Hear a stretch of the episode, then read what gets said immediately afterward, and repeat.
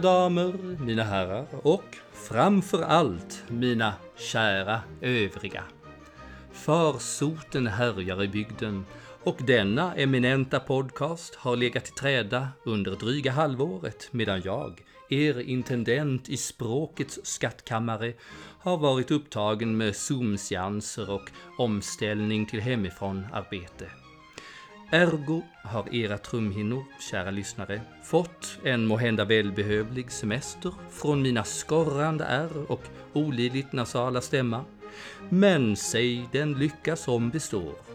För nu återvänder jag alltså med ännu ett avsnitt av Fina Glosan, den förnämliga podcast vars enda syfte det är att smussla ner en och annan tesked socker i språkförbistringens bittra bägare. Jag som hjälper er att svepa medicinen heter Frej von Fräsen Solorensburg. Jag är konstnär, författare och, för mina synders skull, dessutom furste av den bångstyriga och alldeles helt ljuvliga mikronationen Lorensburg, vars gränser omspänner de två Karlstad stadsdelarna Kroppkärr och Lorensberg. Jo, man tackar. Som ni vet har oraklen påbjudit social distansering och i möjligaste mån mangrann reträtt till hemmets trygga vrå. Allt för att hejda smittans härningar. Alltså lämnas vi till romantiska fantasier om ett svunnet idylliskt folkhem eller till eskapistiska dagdrömmerier om en framtid bortom folkhälsohemmets lydiga isolering. Vi drömmer om att springa barfota över sommarängarna vi läskas av tanken på soliga punschverandor i rymliga luftslott. Vi längtar efter att krama våra nära och kära. Men chi och fikon, det får vi ju inte. Men det finns kanske trots allt ett kryphål för oss som är beroende av anknytningshormonet oxytocin.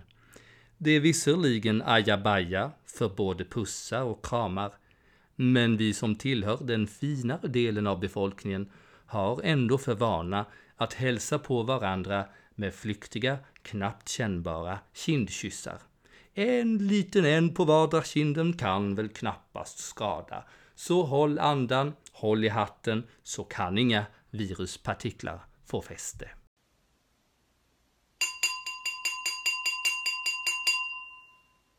Fina glosan nummer 6 Faire la bise Samhället och mjölkkannan har det gemensamt att grädden flyter som ett tunt skikt ovanpå resten. Blaskig vassle kan omöjligt transmuteras till vispgrädde och det är nästan lika svårt att migrera från rännstenens olycksbrödraskap till noblessens intima krets av kära kusiner. Valutan på denna förtrolighetens stängda marknad är av ett annat slag än snöda pengar något som varje nyriking med sociala ambitioner strax får lära sig. 1954 myntade den brittiske professorn i lingvistik Allen S. C. Ross begreppet you and non-you, det vill säga överklass och icke-överklass. Detta för att identifiera och kategorisera språkliga klassmarkörer. Generellt begagnade sig de som kunde anses tillhöra en överklass av ett strikt engelskt vokabulär, färre omskrivningar, medan medelklassen ansträngde sig för att låta raffinerad. I många fall sammanföll noblessens ordval med sådana ord som brukades av arbetarklassen. Inte bara ordval, men också handlingar är en GPS som visar någons position i det sociala landskapet. Den som inte fått med sig hyfs och fason hemifrån bör skaffa sig en bra bok om vett och etikett innan hon vågar kvantumsprånget till nästa nivå. De allra översta stegpinnarna bebos av människor som skyddas av ett komplicerat slussystem av närhet och avstånd. Den som är icke-ö, och här står öet för översta pinnhålet, behandlas älskvärt men aldrig förtroligt. Och då räcker det med ett vänligt hej och ett fast handslag på armlängds avstånd. endast så kallade kära kusiner och andra ö tillåts att komma närmre än så. Faire la bise är förstås franska. Det betyder att utföra kyssen och då är det en kindkyss som avses.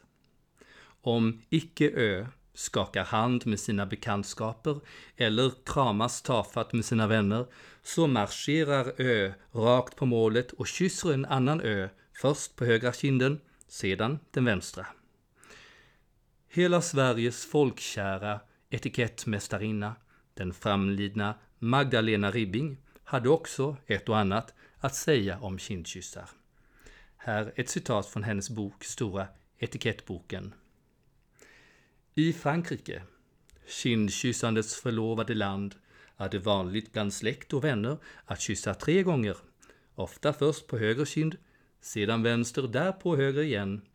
Enligt en vanlig uppfattning i detta katolska land räknas de tre kyssarna som en var för Fadern, Sonen och den helige Ande. En fjärde kyss är inte ovanlig. Den som blir kindkysst ska få en egen efter de tre för heligheten. Ribbing fortsätter med en kommentar om själva utförandet. I Sverige är det vanligen fullt tillräckligt med en kindkyss. För övrigt är det inte en smällkyss som ska tryckas mot någons kind, utan ett luftlätt och ljudlöst nuddande vid varandras kinder.